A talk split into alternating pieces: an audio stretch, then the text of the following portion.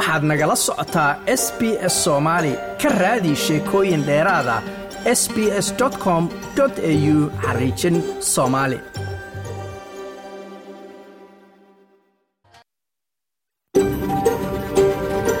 SBS, a. You're with SBS Somali on mobile, online, and on radio. Waxaad nagala socotaan s b s soomaali oo aad ka heli kartaan mobil online iyo rediyoga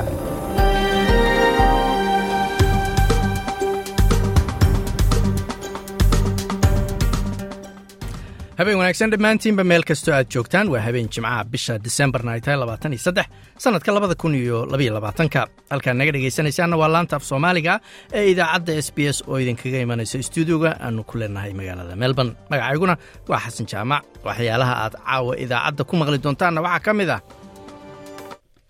Waxaa muhiim ah in waalidiinta la xusuusiyo iyo iyo iyo dhalinyarada iyo communitiga oo dhan in la wada shaqeeyo muhiim inay tahay.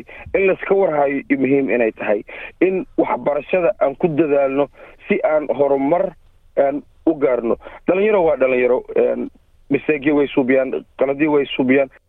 Waxaa magaalada melbourne lagu qabtay xafladda qalinjibinta oo ay soo qabanqaabisay ururka somali australian friendship association oo saafa loo soo gaabiyo liibaan yuusuf oo guddoomiye ka. Ah ururkaas ayaa nooga warramaya sidoo kale waxaad maqli doontaan anyone can use the triple zero service. You don't need to be a subscriber. You don't need to be a citizen. You can be on holidays anywhere in Australia. You can be in a state you're not normally living in. You don't.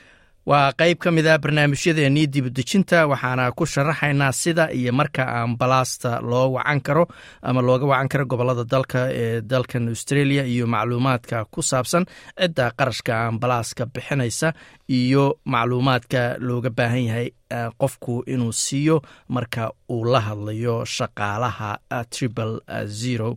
Marka horese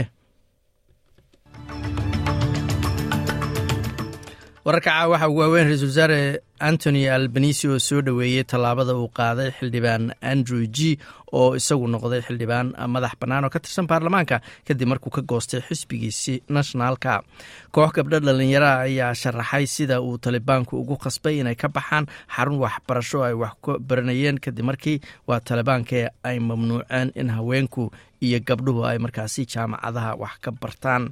Iyadoo dalkan australia iyo caalamka intiisa badanba lagu jiro xilliga fasaxa christmaska iyo sanadka cusub ayay booliska gobollada kala duwan waxay uga digayaan dadka in markaasi dhibco badan laga jaran doono laysanadooda haddii lagu qabto iyagoo xawaare ku socda oo ka badan kii loogu talagalay waddada wararkaas iyo kuwo kale ee diyaar garooba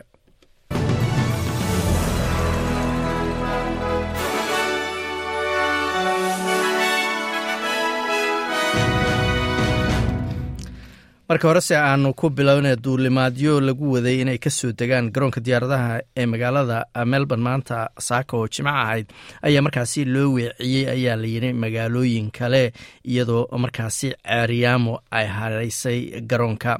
Laba diyaaradood oo ka kala yimid magaalada christchurch ee dalka new zealand iyo magaalada tokyo ee jaban ayay arintani saamaysay waxaana diyaaradahaasi loo weeciyey magaalada sydney iyadoo markaasi cimilo xun oo ka jirtay magaalada melbourne ay sidoo kale sababtay in diyaarado kale ama duulimaadyo kale ay dib u dhacaan. Garoonka diyaaradaha magaalada melbourne ayaa la sheegay in hadda duulimaadyadu ay ka degayaan diyaaraduhuna ay ka soo degayaan qaarna ay ka baxayaan. Laakiin baa la yidhi nidaamkaasi ayaa aad hadda daahniin uu ku dhacay ayaa layidhi iyadoo weli aragtidu aysan fiicnayn. Shalay oo khamiisa ayay ahayd markii roob badan iyo cimilo qoyaan wadata ay keentay in duulimaadyo badan oo kale sidoo kale dib loo dhigo. Ilmo lix jira ayaa dhintay baa layidhi kadib markii shil gaari uu ka dhacay koonfurta gobolka new south wales halka xadka ay kala leedahay gobolka victoria. Wiil yar ayaa ku dhintay goobta shilku ka dhacay ayaa layidhi oo ku taala mulemayn oo new south wales gaar ahaan gobolka mari la yidhaahdo ilmo yar oo kale oo afar jir la aaminsan yahay inuu yahay ayaa sidoo kale ku dhaawacmay shilkaasi gaariga waxaana la geeyey cisbitaal ku yaalla melbourne si markaasi loo daaweeyey booliska ayaa sheegay inay baarayaan daruufaha keenay shilkan gawaarida premierka gobolka new south wales dominic perotey ayaa markaasi qaaday tallaabo uu ku xaqiijinayo in saddex haween ah loo xusho tartanka xisbigiisu uu u gelayo tartanka doorashada ee soo socota kaasoo saddexdaas haween ah oo markaas u tartami doona ayaa layidhi aqalka sare. Saddexdaas haweenka ayaa waxaa ka mida baa layidhi wasiiradda qoyska iyo bulshooyinka natasha mclaren jones oo iyadu ugu sarreyn doonta liiska dadka u tartamaya aqalka sare ee xisbiga liberaalka. Waxaa kaloo ku jira laba haweena oo markaasi muxaafidiina oo kale ah susan carter iyo jean haines oo markaasi labada boos oo kala qaadanaya garabyo ka mid a xisbiga liberaalka ayaa go'aamadan gaaray kadib markii xisbigu guud ahaan uu wajahay eedo ku saabsan ama ku aadan in aysan haweenka jeclayn. Waa marka xisbiga liberaalka laga hadlaye sidoo kale heshiiskan la gaaray ayaa macnaheedu yahay in saddex ka mid a xisbiga oo ah xildhibaano muxaafida oo hadda xil haya oo uu ka mid yahay baa layidhi madaxweynaha aqalka sare ee xisbiga matthew mason cox lou ameto iyo shane mallard laga saari doono liiska tartanka xildhibaanada. Si loo xaqiijiyay ayaa layidhi haweenka iyo ragga kuraastoodu inay siman yihiin ama isla egyihiin halkaad weli nagala socotaan waa laanta af soomaaliga ee idaacadda s b s ra'iisul wasaaraha dalkan australia antony albanise ayaa sheegay in tallaabada uu andrew g ku noqday xildhibaan madax bannaan oo ka tirsan baarlamaanka federaalka ay tahay arrin aad u weyn. Xildhibaankan ka tirsanaa xisbiga nationaalka ayaa go'aansaday inuu iska casilo xisbigiisa maadaama xisbigu ka soo horjeestay inuu taageero codka loo qaadaya ama laga siinayo baarlamaanka dadka dalkan loogu yimid wuxuuna sheegay waa xildhibaanke inuu isagu arintaasi xisbiga uga soo horjeedo ama uga fikra duwan yahay. Maer albanisi ayaa sheegay inuu ixtiraamayo go'aanka maer g laakiin hogaamiye ahaan uu isagu ku dhiirigelinayo siyaasiyiinta kale inaysan gafin fursadan dadka lagu midaynayo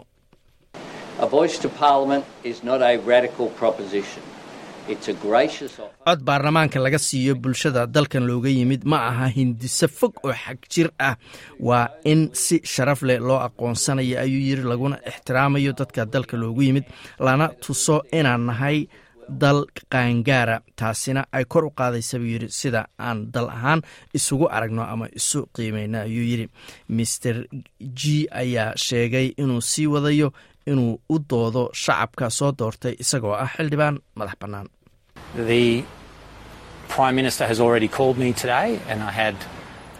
ra'iisul wasaaruhu isla maantaba waa uu isoo wacay wadahadal fiican ayaana la yeeshay. Marki marka xiriir wada shaqaynadoo fiican ayaan la leehay ayuu yiri ra'iisul wasaaraha waana doonayaa inaan sii wado arintaas ayuu yiri xildhibaankaasi madaxa bannaan halkaad weli nagala socotaan waa laanta af soomaaliga ee idaacadda s b s. Dhibcihii laga jiri jiray laysanka qofka haddii lagu qabto isagoo markaasi xawaareynaya oo ku socda xawaaro ka badan kii waddada loogola ayaa hadda la labalaabaya inta markaasi lagu jiro xilliga krismaska iyo sanadka cusub. Tan ayaa ka jirta baa layidhi qaybo badan oo dalka oo dhan ah iyadoo markaasi boolisku uu isu diyaarinaya amaandhehe iyadoo dad badan oo australian ay isu diyaarinayaan inay markaasi waddooyinka qaadaan iyagoo fasaxyadaasi u socda. Ururka la yiraahdo national roads and motorist association ayaa sheegay in dhibcaha labanlaabka ee laga jaraya dadka ay ka jiraan gobollada new south wales a c t kow iyo toban maalmood oo laga bilaabo maanta oo jimcaha oo bisha disembar ay tahay labaatan iyo saddex ilaa saddexda janaayo. Halka gobolka west australia ay ka jirayaan ilaa sideedda bisha janaayo. Wasiirka waddooyinka gobolka new south wales paul tool ayaa sheegay in booliska waddooyinka ay markaasi meelo badan waardiye ka yihiin oo isha ay ku hayaan dadka gawaarida wada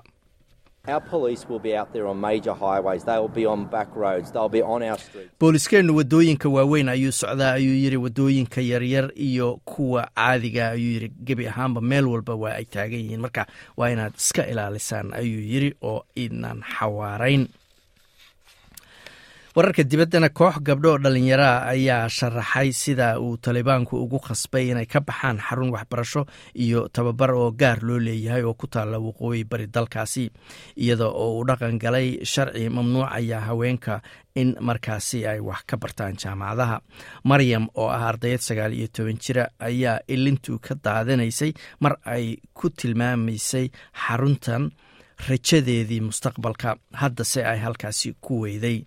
Ardayad kale oo zuhuul la yidhaahdo oo shan iyo toban jira ayaa iyaduna sheegtay in gabdhaha gaboodfalyo jireed loo geystay markii laga saarayay xarunta ku taalla gobolka tahiir ee dalka afghanistan The Taliban came today, beat us, and kicked us out of the training centre and said that you no longer have talibaanku maanta ayay noo yimaadeen ayay tiri wayna garaaceen xarunta ayay naga saareen waxayna nagu yidhaahdeen wixii hadda ka dambeeya xaq uma lehidin inaad wax barataan. Xaalad xun ayaanu ku sugannahay ayay tiri gabdhuhu niyaddii ayaa ka jabay ayay tiri maamulayaasha talabaan ayaa ka mamnuucay ardada gabdhaha ah inay jaamacadaha galaan mamnuucidaas oo markiiba dhaqan gashay amarkan ayaa ah baa layidhi kii ugu dambeeyey ee lagu wiiqayo xuquuqda iyo xorriyadda haweenka. Tan ayaa qayb ka ah tafsiiraad adag oo laga bixinayo shareecada islaamka. Inkastoo ay hore u ballan qaadeen waa talibaanke in xukunka ay dabcinayaan oo ay ixtiraamayaan xuquuqda haweenka iyo dadka laga tirada badan yahay wararka ka imanaya magaalada baydhabana waxaa la sheegay in dagaal uu maanta magaaladaasi ka bilowday waa magaalada gudaheeda waxaana lagu soo waramaya inuu u dhexeeyo ciidamo ka amar qaata maamulka koonfur galbeed iyo maleeshiya beeleed. Ka amar qaata qaar ka tirsan ayaa layidhi musharaxiinta u taagan xilka madaxweyne oo markaasi mucaarad ku ah madaxweyneha hadda xilka haya maxamed aadan maxamed fargeeti la yiraahdo oo kamida mucaaradka markaasi ka soo horjeeda madaxweynaha koonfur galbeed cabdicasiis laftagaren horena u soo noqday wasiirka maaliyadda dowladda federaalka ayaa shir jaraa'id oo uu ku qabtay magaalada muqdisho. Waxa uu ku sheegay in weerarka saaka gurigiisa lagu beegsaday.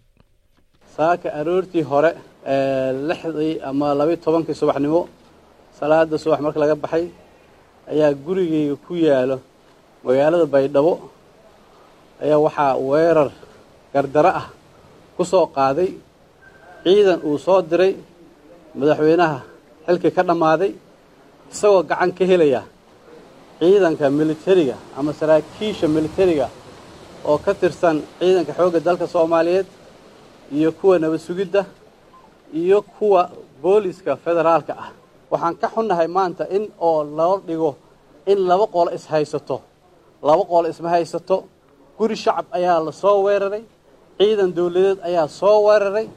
Marka arrintaasi ma ahan arrin oo laba dhinac is haysta ma ahan. Waa dad shacab la soo weeraray magaca dawladeed lagu soo weeraray. Dhanka kalena bayaan ka soo baxay dowladda federaalka ee soomaaliya ayaa lagu sheegay inay ka xun tahay shaqaaqooyinka gacanka hadalka ee saaka ka dhacay magaalada baydhabo ee xarunta kumeel gaarka u ah dowlad goboleedka koonfur galbeed halkaad weli nagala socotaan waa laanta af soomaaliga ee idaacadda s b s militariga fiji ayaa loogu yeeray inay ilaaliyaan markaasi xasiloonida dalkaasi iyadoo xisbiga social liberal democratic partiga uu isu diyaarinayo inuu kulan yeesho kaasoo uu go'aan kaga gaarayo in markaasi ay dowlad soo dhisaan isbahaysigu waxaa sidoo kale wadankaasi ka jiray ayaa layidhi qalalaasa siyaasadeed. Wixii ka dambeeyey markii doorashada lagu qabtay dalkaasi fiji. Waxaana socda markaasi kulan looga hadlayo qorshe isbahaysi lagu soo dhigayo kulankaas oo dhici doona ama lagu wada inuu dhaco maanta oo jimco ahayd. Madaxweynaha fiji ayaan weli isagu baarlamaanka isugu yeerin si ay ugu codeeyaan cidda noqonaysa ra'iisul wasaaraha cusub kadib doorashadii qaran ee toddobaadkii la soo dhaafay dhacday. Doorashadaas oo markaasi xisbina uusan helin aqlabiyad saxa oo isagu uu ku guuleystay dhanka wararka dibaddan weli ku jirnaaye ama waqooyiga kuuriya wasiirkeeda ama wasaaraddeeda arrimaha dibadda ayaa dafirtay eeda ahaa inay rasaas ay ka mid yihiin kuwa madaafiicdu ay markaasi siisay dalka ruushka. Warbaahinta ayaa sheegaysa in shixnado rasaasa oo markaasi cusub hadda la filayo inayba asbuucyada ama toddobaadyada soo socda ruushka gaaraan. Laakiin koonfurta waqooyiga kuuriya andhehe ayaa sheegtay in eedahaasi ay gebi ahaanba yihiin kuwo sal iyo raad aan lahayn. Aqalkacad ee dalka maraykanka ayaa sheegay in dalka waqooyiga kuuriya ay markaasi hubkaasi ama rasaastaasi siiyeen shirkad gaar loo leeyahay oo military oo ruushku leeyahay. Balse wasaaradda arrimaha dibadda waqooyiga kuuriya ayaa dhankeeda ku cambaaraysay maraykanka inay hub dilaa-a siinayso dalka ukraine. Dhanka kalena madaxweynaha ruushka valadimir putin ayaa isagu ka hadlay colaadda dalka ukraine oo awal colaad oo hadda isagoo ku tilmaamay aan dhehe hadda dagaal hadda ka horse wuxuu ku tilmaami jiray ama ku magacaabi jiray howlgal military oo gaar ah dhanka sboortigana football australia oo ah hay'adda maamusha kubadda cagta ee dalkan australia ayaa ciqaabo hordhaca waxa ay ku soo rogtay kooxda melbourne victory iyadoo marka koowaad ka mamnuucday inay gado tigidhada oo ay ka gado taageerayaasheeda cayaarta tan xigta oo garoonkooda lagu cayaari doono. Tan ayaa ka dambeysay markii taageerayaasha kooxdaasi ay garoonka soo galeen taasoo buuq badan iyo dhibaatooyin badan dhalisay kooxdan victory ayaa sidoo kale waxaa loo diray warqad lagu leeyahay waa inaad ka soo jawaabtaan oo sharaxdaan wixii dhacay. Kadib markii boqol iyo konton ka mida dadka cayaarta daawanayay ay garoonka galeen iyadoo ay socotay cayaarta a leaga ay kaga soo horjeedeen kooxda kale ee melbourne city taasoo khasabtay in cayaartii gebi ahaanba la joojiyo markaasi mar dambena dib loo bilaabin. Hay'addan football australia ayaan weli iyadu go'aansan ciqaabta u dambeysa ee kooxdan ay marin doonaan laakiin arrimahan kumeelgaarka ama ciqaabahan kumeelgaarka ayaa socon doona ayaa layiri ilaa shan iyo tobanka janaayo. Saadaasha hawada berita oo sabtiya magaalada bet waa cadceed iyo soddon iyo laba digrii adelaide waa sidoo kale iyo labaatan iyo lix digrii melbourne waa daruuro iyo labaatan iyo saddex digrii magaalada sydneyna inta badan waa cadceed iyo labaatan iyo sagaal digrii brisbanna xoogaa roobaba ayaa la filaya iyo labaatan iyo sideed digrii halka australian dollar maanta waxaa lagu sarifayay lixdan iyo toddoba senti oo lacagta maraykanka ah. Weli waxaa noo soo socda warbixin ku saabsan nambarka adeega deg dega ee triple zeroga la yiraahdo sida loo wacdo iyo markaasi waxyaalaha looga baahan yahay qofku marka uu wacanayo. Marka horese magaalada melbourne waxaa dhowaan lagu qabtay xaflad qalinjibina oo markaasi lagu abaalmariyey dhalinyaro iyo dad kale oo badan oo markaasi ka qalinjibiyey jaamacadaha kala duwan ee gobolkan victoria. Xafladdaas ayaa waxaa soo qabanqaabiyey ururka safa ama somali australian friendship association waxaana madax ka liibaan yuusuf ururkaasi liibaan ayaa in weydiiyey bal xafladdii sanadkan iyo ujeedada ururkan iyo xafladan qalinjibintu waxa ay tahay wuxuuna yidhi. Barnaamijkan horta sababta loo bilaabay ayaa waxay ahayd wakti communitiga uu ku jiray ardayda iskuolka hoose ama secondary school iska dhigto. Nambarada jaamacadda ugudbi u gudbaayey ayaa yaraaday. Markaas sabab waxay noqotay in runtii la subiyo barnaamij dhiirigelinayo ardayda iskuullada dhigta inay maarkino markay iskuolka dhameeyaan ay u gudbaan heer jaamacadeed. Marka runtii waxay ahayd baraarujin iyo dhiirigelin iyo runtii de in maarkino isheeg communitiga hurdada laga kiciyo oo la yidhaahdo isheeg maxaa la dhahaa baalka dhalinyaradan iskuolka dhigto waa in laga warhayaa waxbarashadooda. Markay waxbarashada dhameeyaanna waa in la baraarujiyaa oo runtii oo la dhiirigeliyaa. Waa garta marka sanadkan sanadihii horo dhowr iyo tobankii sano u dambeeyey muxuu uga duwanaa baad isleeda horta wuxuu uga duwanaa aniga shaksi ahaan special buu ii ahaa because labadii sano oo la soo dhaafay sidaad ka warhaysid waa waktiga xumaa oo bandemiga iyo two thousand kii. Marka wax xaflad saafa maysan qaban. Marka maadaama labadaas sano oo lockdownka iyo bandemic aan ku jirnay aan ka soo baxnay sanadkan wuxuu u ahaa runtii iisheeg dhiirigelin arday badan waalidiin badan. Waa markii koowaad oo waalidiinta magaalada degan melbourne gobolka victoria runtii aada uga soo qeyb galeen. Dhowr gaarayso labaatan qof ayaa waxay ka timid oo iskugu jiro arday iyo waalidiin dandinon dhinaca westiga waa laga yimid nodka waa laga yimid. Runtii markii koowaad waxay ahayd aada la iskugu soo baxo waalidiin badanna ay ka soo qayb galaan waa garta marka sanadkan maxaad nooga sheegi kartaa shahaadooyinka ama qalinjebinta ay sameeyeen ardada aad shahaadooyinka siiseen ama dadka waaweyn oo ugu muhiimsanaayo aad aad ka xasuusatid? Horta waxaa ugu muhiimsanaa laba iyo labaatan arday oo jaamacad dhamaysay ardaydaas oo maadooyin kala duwan runtii ka qalin jebiyey waxaa ku jiray looyaro waxaa ku jiray injineero waxaa ku jiray nurses iyo umuliso. Waxaa ku jiray dhakhtar runtii dhakhtar elias oo ukraine ku soo bartay isheeg medical science. Intana ku suubiyey master of public health. Haddana noqday g b. Runtii waxaa ku jiray oo kale family oo aabihii iyo hooyadii iyo ciyaalkii kulli ay jaamacado wada dhameeyeen. Hal mar ayagana in runtii la abaalmariyo oo u ahayd baraarujin shacabka ka soo qaybgal ee barnaamijka iyo inta daawanaysayba. Waa garta marka marka laga reebo ardada aad shahaadooyinka siinaysaan iyo waalidiintooda guud ahaan yaa kaloo ka soo qayb gala barnaamijkan? Waxaa ka soo qayb galay horta xagga dowladda wasiiradda dhalinyarada waxaa ka soo qayb galay shaksiga labaad oo victoria police ugu shareeyo waxaa ka soo qayb galay emergency management commissionerka multicultural commissioner iyo waxaa ka soo qayb galay shaksiyo kale oo kala duwan oo stakeholders ah iyo hay'ado kala daen also waxaa ka soo qayb galay gabar luul ibrahim la yiraahdo oo runtii shaksiga magaalada bet ee gobolka western australia shaqo badan ka community leader ah ayadana runtii waxay u noqotay fursad inay nagala soo qayb gasho. Marka waanu isku dayeynaa insha allah sanadba sanadka ka dambeeyo inaan barnaamijka faafino oo weyneysino aanan infaadgareyno in ay nagala soo qayb galaan shaksiyada kala duwan oo gobollada ama magaalooyinka kala duwan australia oo shacabka u adeega inay nagala soo qayb galaan. Waa gartay libano sanadkan wuxuu ku soo aadaya iyadoo waalidiin badan oo soomaaliya oo melbourne degan ama jaaliyadda guud xoogaa walaac ay qabaan. Kadib markii laba dhalinyaraa magaaladan dhowaan lagu dilay arrimahaas waalidiinta yimid ama guud ahaan dhalinyarada ma ka dareenteen mase ka hadasheen shaksiyan anaa ka hadlay because waa runtii barnaamijkaba waxaan usuubinaa waa dhalinyaro mustaqbalkeenna waa dhalinyarada waxaa muhiim ah in waalidiinta la xusuusiyo iyo iyo iyo dhalinyarada iyo communitiga oo dhan in la wada shaqeeyo muhiim inay tahay in laiska warhayo iyo muhiim inay tahay in waxbarashada aan ku dadaalno si aan horumar u gaarno. Dhalinyaro waa dhalinyaro miseegyo way suubiyaan qaladyo way suubiyaan. Laakiin waxaa loo baahan yahay communitiga inuu isku xirnaado.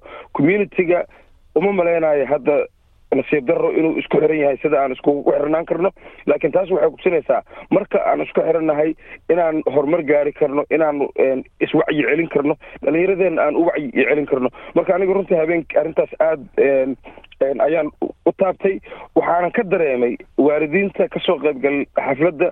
Runtii inay very emotional time u ahayd markii arrintaas aan soo xasuusiyey. Labada wiil oo dhalinyarada ahaa oo naga dhintan ayagana ilaahay ha u naxariisto faamiliyadoodana waxaan u dirayaa samar iyo iimaan. Laakiin taas waxay kutusinaysaa in la wada shaqeeyo labadaas faamily in laga warhaayo oo la caawiyo. Dhalinyarada in laga warhaayo oo la caawiyo activitiyo in loo suubiyo communitiga inay isku timaado ay ka hadasho dhibaatooyinka saameynayo soomaalida ku nool melbourne. Haddii kale arrinteena waxay isku bedeleysaa saan haddii ay ku soo socoto waxay isku bedeleysaa sida canada iyo maraykanka iyo ingiriiska. Ilaahay naguma keeno. Laakiin waxaan u baahannahay proactive inaan noqono waxbarashada inaan adkeyno dhalinyarada kale oo activitiyada iyo programyada iyo leadershibyada in la adkeeyo mana ahan in laga bilaabo ardayga markuu high school yahay. Ardayga markuuba primary soo gaaro hidaha iyo dhaqanka iyo languageka iyo identitygiisa waa in lagu bilaabaa. Marka waxaan leeyahay taas aniga runtii waxay ila tahay arrin aan aan leeyahay waalidiinta iyo communitiga waa inay wada shaqaysaa waa garta guud ahaan saddex iyo toban sano baad barnaamijkan soo wadeen markaad fiirisid sanadka ugu horreeyo barnaamijkaad aad samayseen iyo sanadkan isbeddelka ugu weyn oo aad is leedahay ama jaaliyadda ama dhalinyarada ama soomaalida wuu ku dhaca maxay? Yihin wallahi runtii marka laga saaro labada dhalinyaro oo oo naga dhimatay ilaahay ha u naxariisto waxaan is leeyahay runtii barnaamijka inuu noqonayo sanadba sanad ka dambeyso barnaamij weyn oo community ku faafaayo qalbigooda iyo xasuustooda iyo saameynta uu ku leeyahay community dhexdiisa. Annaga wax kale lama haysano wax kaloo special ah.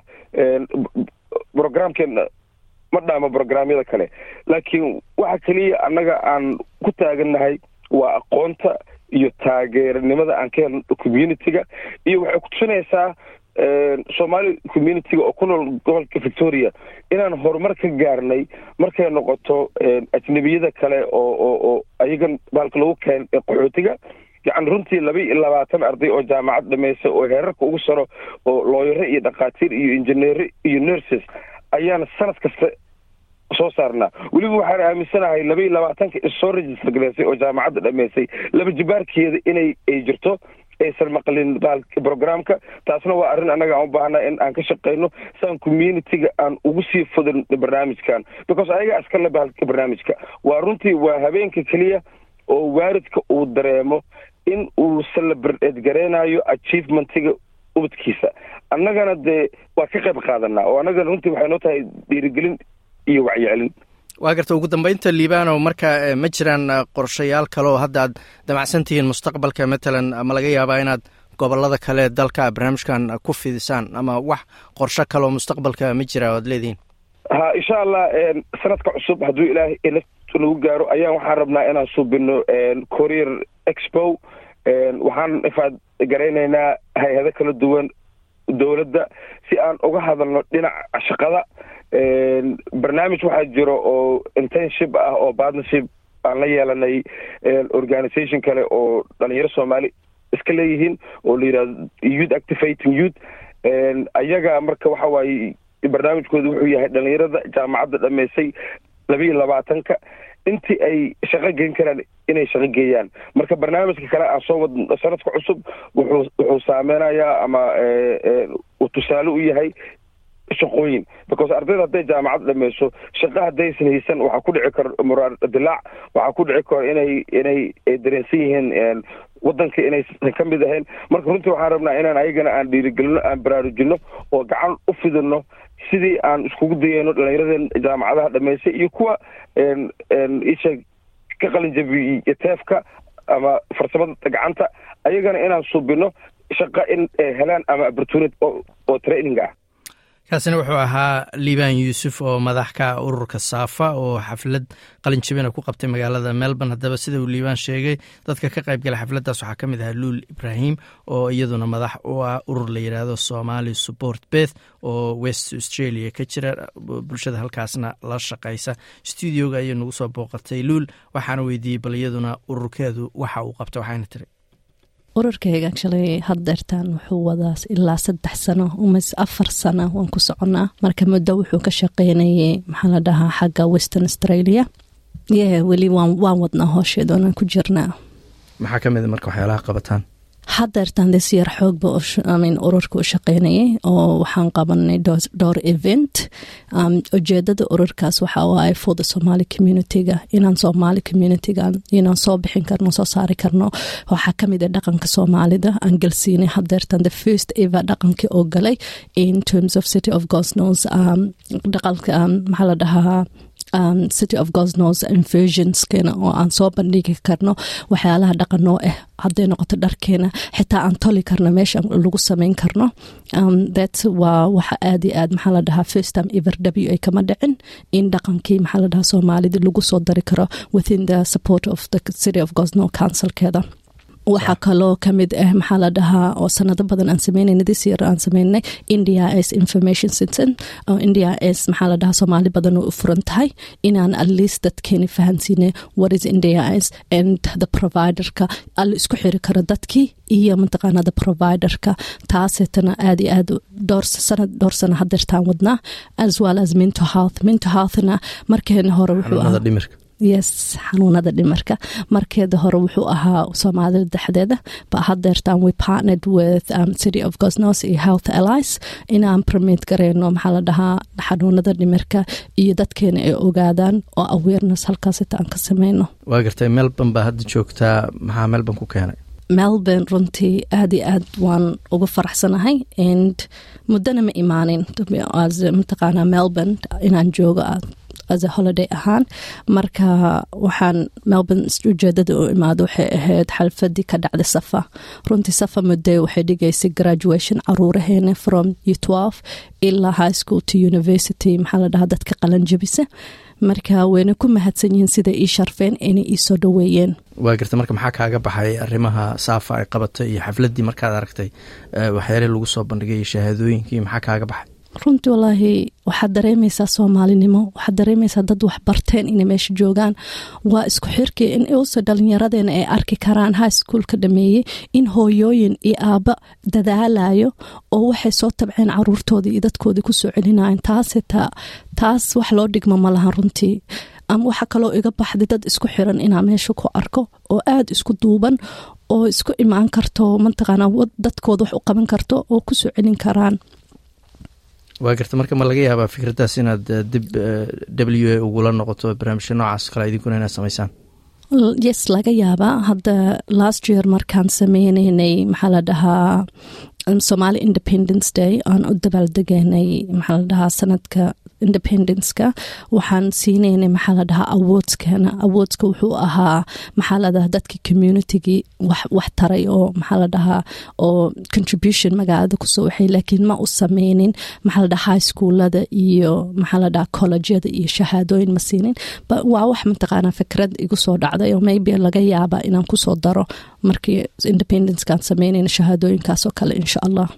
Waxaan rabaa inaan runtii aad iyo aad aan ugu mahadi celiyo safa sida ii sharfeen ee ii soo dhoweeyeen maxaa la dhahaa dadka sponsorska meeshan keenay aad iyo aad ayay ugu mahadsan yihiin oo ila dadaalay. Reer malbe runtii way sharfeent waa waxyaalaha la dhaho soomaalida waa hospitality dad ah dad oo aad iyo aad meel kastoo joogaan jecel dadka inay soo dhoweeyaan marka si fiican bay wallahi ii soo intaasna way ku mahadsan yihiin dadka maamulka iyo dadka meesha joogay sida sharafta igu soo dhoweeyeen awoodskaasita ay siiyeen. Inkastoo markii lagu dhaho awoodska waa mas'uul kale ku saaran. Mas'uulkaasitana waa hooshii aday kuu jirta saa uga soo bixi laheyd marka anina waxaan ahay dadka markasta mas'uulka oo maxaa ka fakaro sidaan ugu soo bixi lahaa. Ilaahayna anaha ii sahlo dadkana mataqaana intii ku raayana. Congratulation waana mataqaana ayakana ilaaha u sahlaan awoodyadooda iyo cilmigooda iyo waxay bartaan. Marka wax kasta la sameeyana waxaa ka muhiimsan in dalkaada a ku soo celin kartid dadkaaga a ku soo celin kartid. And thats waxaan my value aan aaminsanahay meel kasta la mari karo in aqoontaada fikradaada kartinimadaada aad dadkaaga ku soo celin kartid dadkeena u baahan weli aasaaskeeni hoose ayaa wax badan ka maqan yihiin beeskii. Intaasna waxay ku imaanaysaa individualkaas inuu asaga isgaran karo oo isdareemi karo. Wuxuu maxaa la dhahaa dadkiisa ku soo darsan karo reerkiisa ha noqoto qaraabadiisa ha noqoto ama soomaali shacab ha noqoto waxa kaloo aan soomaalida meel kasta joogtaan ka dardaarin lahaa isla wada shaqeynta. Sidii meel kasta wax kasta aad sameynaysa wax kasta ahoo sheekh ahoo shariif ahow wax walba aad sameynaysid isla wada shaqeynta waa wax muhiim oo loo baahan yahay oo dadkeena ka maqan. Waxaan nahnay dad u baranay individual oo guurguuro oo marba meel gooni dego. Laakiin samhawna waan ku fiican nahnay iscaawinta oo hadday noqoto qof inuu dhinto tacsida waan kala umaanaa hadday noqoto maxaa la dhahaa qof haddii aroos noqoto arooska waan ka soo qabnaa. Laakiin community hadday noqoto qof walba goonidiisa haddii la firiyo dhalinyaradeena diyaar waaye ana ahaanteed waxaan aragnaa soomaali inaan bislaanay. So sidaan horey uga bixi lahayn aan isla dubnaan lahayn aan isla shaqeyn lahayn waa wax muhiim ee loo baahan yahay oo laga fakara sanadka cusub hadda soo socdo. Sidaan horey ugu qaban lahayn fikradahaasna ugu dhaqaaqin lahayn. Aan hoos isku dhigin laakiin kor aan isku soo qaadno. Wixii wanaagsan ta'miruuna binnaas watanhowna can fasha. Xumaanta aan iska reebno wanaagan aan mataqaana iskaga dayan karno waa waxyaalaha loo baahan yahay oo naga maqan. Diintii waan haysanaa dhaqankii waan haysanaa laakiin wax yar bes inta yarta inaan ku dari karno oo waxaawaa isla wada shaqeynta isla wada jirta. Hal gacan waxba ma dhaqi karto hal gacanna waxba ma samayn karto. Marka waa ani tala ahaan fikrad ahaan ideer ahaan qof walbana sidiisa taladiisa waa different. Marka taasitaan dardaaran ee iga tahay taasi waxay ahayd luul ibraahim oo madax u ah ururka somaali support beth oo ka jira gobolka west australia. Halkaad weli nagala socotaan waa laantaaf soomaaliga ee idaacadda s b s. Weli waxaa noo soo socdaa warbixinu noo soo diray wariyahayaga magaalada muqdisho. Marka horese waddankan australia sida ugu dhaqsaha badan ee aad ambalaas ku heli karto haddii xaalad caafimaad oo deg dega kugu dhacdo waa inaad wacdo lambarka triple zero ama eber eber eber qaybtan ka midka ah barnaamijyadeennii dibudejinta waxaan ku sharaxaynaa sida iyo marka ambalaas looga wacan karo gobollada dalka oo dhan iyo macluumaad ku saabsan cidda qarashka ambalaasta bixinaysa. Ambalaas waa gaari loo qalabeeyey inuu gargaar caafimaad u fidiyo qof jiran ama dhaawacmay iyo sida ay cisbitaal ku geyn lahaayeen dor simon soyer waa shaqaale ambalaas madaxna ka ah koleejo lagu tababaro shaqaalaha ambalaasyada oo baramedicska loo yaqaano. Wuxuu sheegay in duruufo badan oo kala duwan ay keeni karaan in qofku waco eber eber eber uuna weydiisto in loo soo diro ambalaas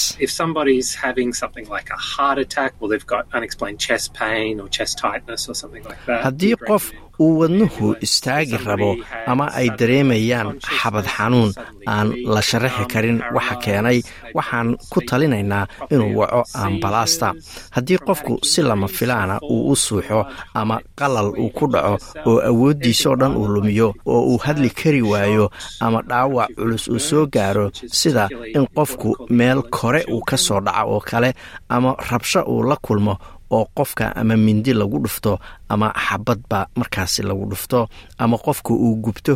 Arrimahaas oo dhan waa in qofku ambalaas wacdo ayuu yidhi brofesoorku mararka qaarkood waxaa dhici kara daruufo keena in qofka bukaanka ah ay adkaato in la helo meesha uu joogo. Sida doctor soyer uu mar kale sheegayo waxa uu leeyahay waa lagama maarmaan in qofku macluumaad cad oo saxa uu siiyo shaqaalaha ka shaqaynaya tribal zero ama eber eberta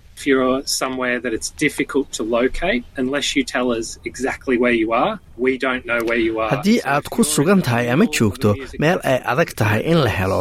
inaad si fiican u sharaxda mooyee ma ogaan karaan meesha aad joogto shaqaalaha ambalaastu tusaale ahaan haddii aad ku sugan tahay meel muusig festivaala oo dad badan ay ku sugan yihiin oo meel weyn ah ama aad dukaamo waaweyn dhex joogto ama beer aad ku jirto goobahaas oo aan lahayn calaamado waddo ama lambar waddadu ay leedahay.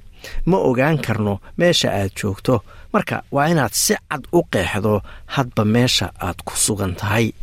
Wicidda tribal zero ama saddex eber eber waa lacag la'aan. Labaatan iyo afarta saacadoodna waa la wici karaa. Waxaana laga wici karaa telefoonnada guryaha kuwa waddooyinka ku yaalla ama waddooyinka lagu xidho iyo weliba moobaylada loomana baahna in lacaga kuugu jirto ama waxa kreditka loo yaqaano moobaylkaaga si aad u wacdo tribal zero. Waxaa sharaxaya dor simon soyer mar kale anyone can use the triple zero service. You don't need to be a subscriber. You don't need to be a citizen. You can be on holidays anywhere qof kasta waa uu wici karaa adeega tribal zero. Uma baahnid inaad tahay qof macaamiil u ah. Uma baahnid inaad muwaadin australiyaana tahay. uma baahnid inaad meesha aad degan tahay joogtid waxaad noqon kartaa qof dalxiise ah oo ku sugan meel kasta oo australia ah gurigaaga inaad joogto khasab ma aha carruurta ayaa wici karta tribal zero. Qofka qaangaarka ayaa wici kara. Marka qof kasta oo u baahan boolis ambalaas ama debdemis ayaa wici karaa saddexda lambar ee ah eber eber eber. Haddii hadalka ama maqalku kugu adag yahay oo aad tahay waxaa jira lambar kale oo dadka qaarkood aysan caadiyan aqoon oo ah hal eber lix oo qoraal ama texti aad ku diri karto haddii aadan ingiliish ku hadli karin waxaad dhihi kartaa oo keliya ambalaas. Kadibna waxay kaala shaqaynayaan siday turjubaan kuugu heli lahaayeen. Dadka qabanaya telefoonnada tribal zero waxay ku weydiinayaan su'aalo looga dan leeyahay in la ogaado in xaaladda aad ku jirto ay tahay mid u qalanta xaalad deg dega dor soyer ayaa sheegay in sida aad uga jawaabto su'aalahaas ay aad muhiim u yihiin They'll ask you what the actual problem is. So again, be as specific as possible. Speaking as waxay ku weydiinayaan waxa dhibku yahay ama dhibaatada ku haysata. haddaan u hadlo sidii qof shaqaalaha aambalaasta ah waxaa muhiim ii ah inaan ogaado waxa jira sababtoo ah dhowr arrimood awgood. marka hore tusaale ahaan waxaad tidhi shil baan galay saaxiibkay ma neefsanayo ama xabadka ayaa xanuunaya waxay ku weydiinayaan imise qof ayaa dhaawacan.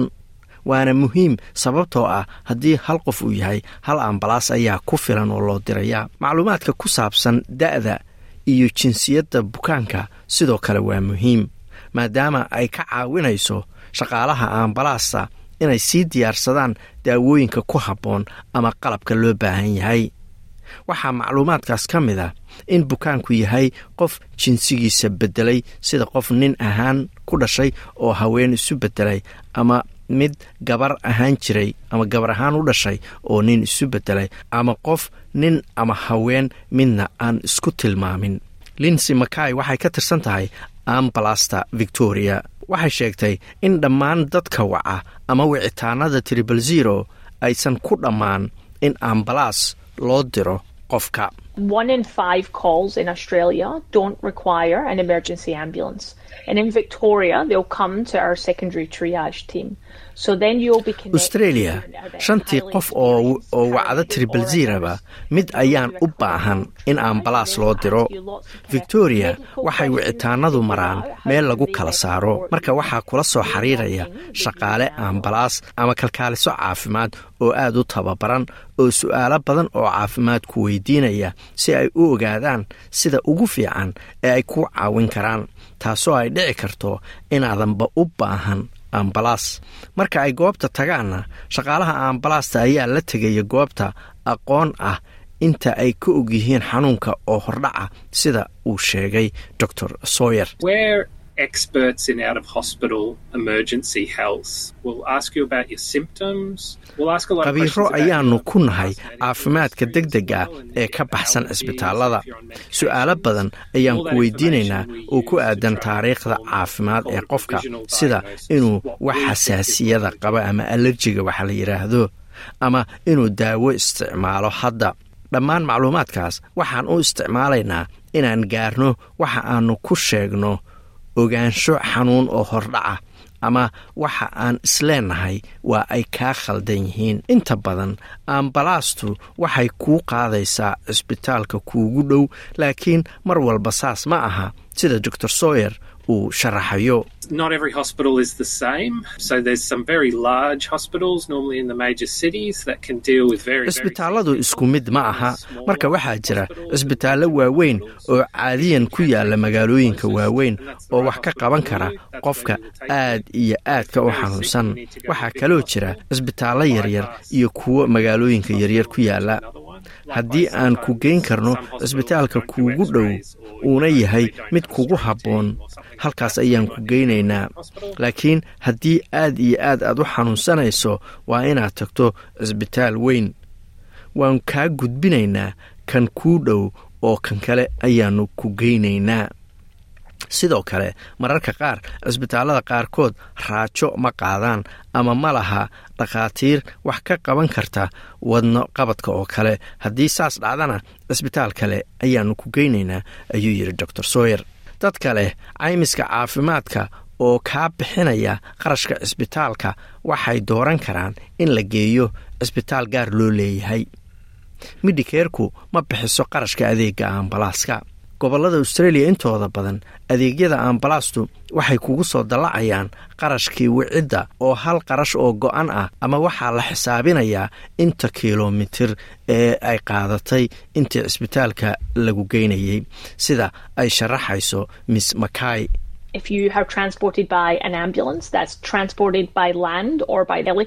haddii ay ambalaas kugu qaaday dhulka ama diyaarad waraaqad qaansheegad ah ama invoice waxa loo yaqaano ayaa laguu soo dirayaa oo lagugu sheegayo in lacag lagaa rabo inaad bixiso iyo inta ay la eg tahay. Kadib qofku ama wuu bixin ama haddii uu leeyahay caymis caafimaad way ka bixinaysaa haddii shirkaddu bixiso ambalaasta haddii shirkaddu inay bixiso qarashka ambalaasta ay heshiiskii aad la gashay caymiska ay ku jirtay. Qarashka lagu dallacayo qofka markuu ambalaas wacdo waxay ku xidhan tahay hadba maamulka ama gobolka aad joogto iyo daruufaha qofka bukaanka ah. Waa kan mar kale dr sawyer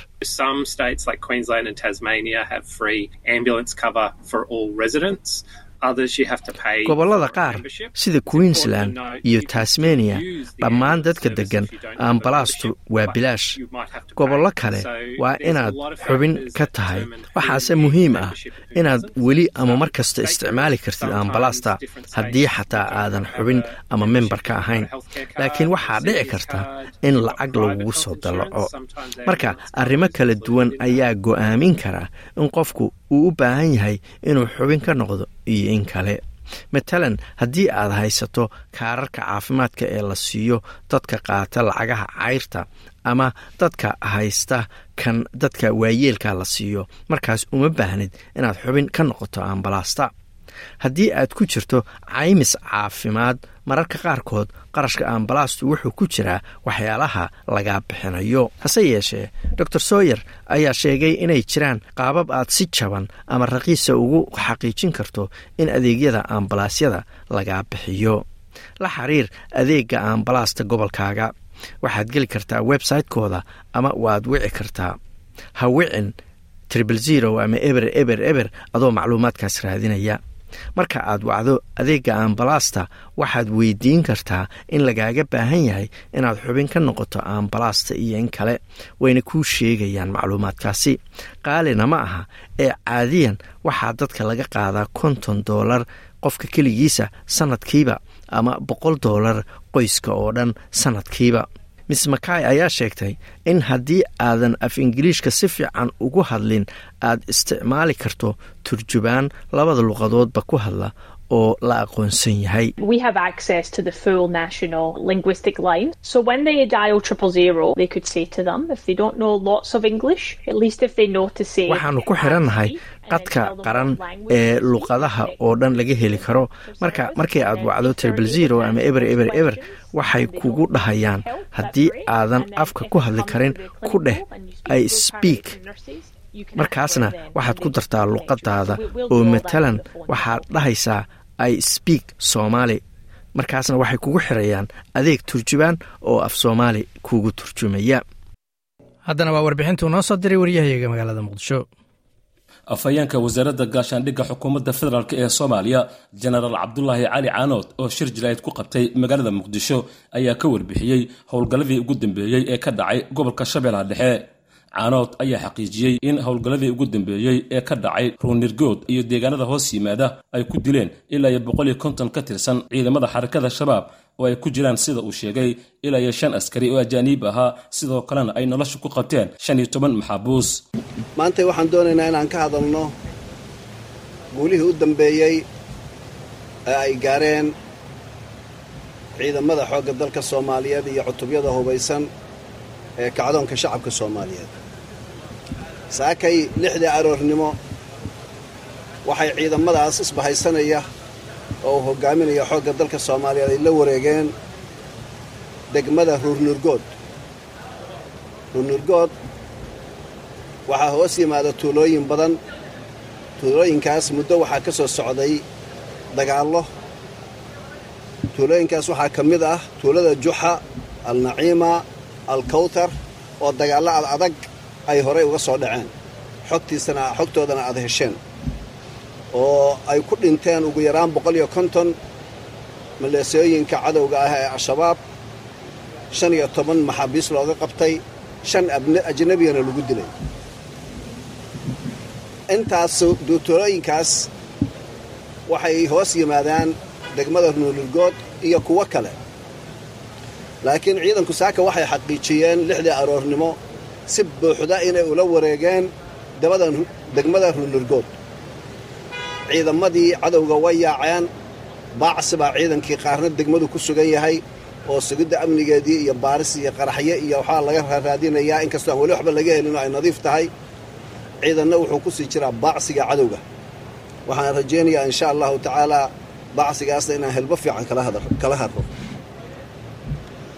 afhayeenka wasaaradda gaashaandhigga oo hadalkiisa sii wato ayaa waxa uu shaaca ka qaaday in degmada runirgood ay tahay degmadii ugu dambeysay ee gobolka shabeellaha dhexe ee lagala wareego xarakada shabaab isagoona xusay in dowladda soomaaliya ay ballaarinayso howlgallada haatan socda islamarkaana maalmaha soo socda ay ka bilaabi doonto dowlad goboleedyada kale ee dalka. Degmada runirgood waa degmadii u dambaysay ee dowlad goboleedka hirshabeelle ee cadow hayste ee laga xoreeyo laga soo bilaabo matabaan ilaa iyo caliyaalo ama ceel cirfiid dhammaan degmooyinka dowlad goboleedka waxaa hirshabeelle waxaa gacanta ku haya dowladda soomaaliyeed iyo dowlad goboleedka. Way jiraan meelo ay cadowga kaga harhareen sida galbeedka hiiraan iyo galbeedka shabeellada dhexe. Ayagana insha allahu tacaalaa dhowaan waa la kurtuma jarayaa meelahaas ay u carcarareenna waa laga saari doonaa waana loo diyaarsan yahay cutubyada halkaas ka howlgeli lahaana waa loo diyaariyey. Shacabka soomaaliyeed maantay waxaan ugu uga farxinaynaa guushaan cusub ee ciidanku gaaray. Guuluhuna waa isdaba socdaan. Haddana mar dhow waxay u gudbi doonaan dowlad goboleedyo kale. Dowlad goboleedyadaasu ma aha kuwa hadda fulinta ka jira oo keliya ah dowlad goboleedka u gudbayaan. Ee dowlad goboleedyo kalea diyaargaroobay oo iyaduna ay howlgal ka bilaabmayaan mar dhow. Oo ciidankoodii xoogga dalka soomaaliyeed sektarkii meeshaas deganaa ama qaybtii deganayd iyo xoogga shacabka iyo dowlad goboleedka daraawiishtu ay ka wada howlgelayaan. Insha allah guushaas yaannu maanta inii soo sheegaynaa. Wixii dambe iyo dambe oo guulahoo la gaarana waa inii soo sheegaynaa afhayeenka wasaaradda gaashaandhigga ayaa ugu dambayntii waxa uu fariin u diray maamul goboleedka galmudug oo uu sheegay inay halkaa ku sugan yihiin ciidamo fara badan oo ka tirsan xoogga dalka soomaaliya ayna tahay inay howlgallada sii wadaan oo ay xoreeyaan degmooyinka iyo tuulooyinka ay ku hareen xarakada shabaab. Hambalyan waxaan leeyahay dowlad goboleedka hirshabeelle way guulaysatay degmooyin dowlad goboleedyada kale oo ay dariska la ah sida galmudug oo kale waxaan rajaynaynaa shacabka galmudug waa shacab dagaalama. Dagaalkana way yaqaanaan. Ciidamadii xoogga dalka soomaaliyeed oo dhanna way la joogaan. Ayaguna way abaabulan yihiin. Yaadan noqonin fulow guuli ku dhoweydaa waa in ciidamada lala howlgalo laiskana kiciyo cadowga haysta dowlad goboleedka degmooyinka ugu badan marka laga reebo gobollada jubbaland. Meesha uu cadowga ka haystaa waxaa weeyaan waa dowlad goboleedka iisheeg galmudug xarardheere ceeldheer galhareeri ceelbuur iyo tuulooyin degmooyin tuulooyin yaryar degmooyinka waxba ka dhaceen dad badan aad u degan yihiin. Ciidankiina waa abaabulan yahay waxaan rajaynaynaa mar dhowaan.